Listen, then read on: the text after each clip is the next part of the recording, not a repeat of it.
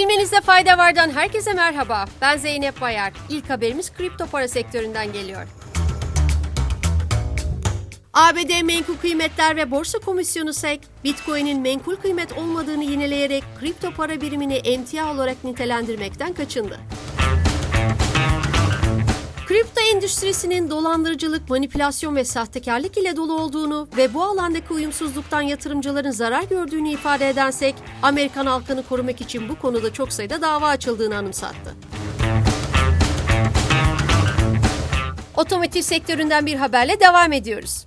Kyoto Ajansı'nın piyasa kaynaklarına dayandırdığı bilgiye göre Mitsubishi Motor, Çin'de satışlarının düşmesi sebebiyle ülkedeki araç üretimini durduracak. Japon firmanın yerel üretim partnerleriyle müzakereler sonrası resmi kararı duyurması ve üretim kaynaklarını Güneydoğu Asya pazarına kaydırması bekleniyor.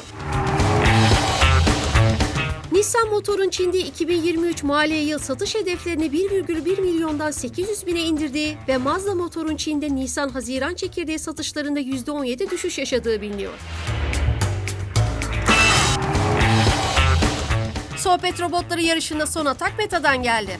Meta Messenger hizmetinde kullanılacak bir dizi yeni sohbet robotu hakkında açıklama yaptı.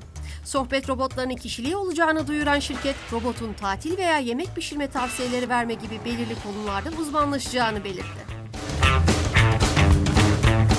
Sohbet robotunun başlangıçta yalnızca ABD'de kullanıma sunulacağını açıklayan Meta CEO'su Mark Zuckerberg, botların cevaplayabileceği şeyler konusunda hala birçok sınırlama olduğunu söyledi. Öte yandan Meta, Instagram kullanıcılarının yakında görüntü iyileştirme ve değiştirme imkanı sağlayan yapay zeka destekli yeni özelliklerle tanışacağını da açıkladı.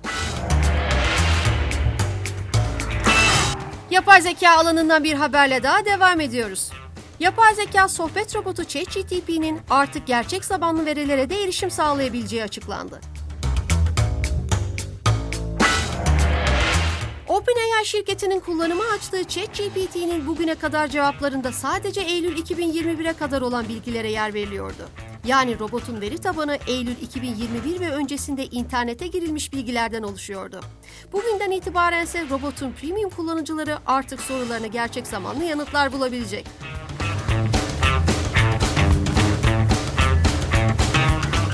Son haberimiz Avrupa Birliği'nden geliyor. Avrupa İstatistik Ofisi Eurostat verilerine göre Avrupa Birliği içerisinde çocukların %24,7'si yani yaklaşık 20 milyonu yoksulluk riski altında yaşıyor. Öte yandan verilerde en yüksek oranın Romanya, Bulgaristan ve İspanya'da, en düşük oranın ise Slovenya, Çekya ve Danimarka'da ölçüldüğü açıklandı. Ayrıca Almanya'nın %24 ile AB ortalamasına yaklaşması, Fransa'nın da %27,4 ile ortalamayı aşması dikkat çekti.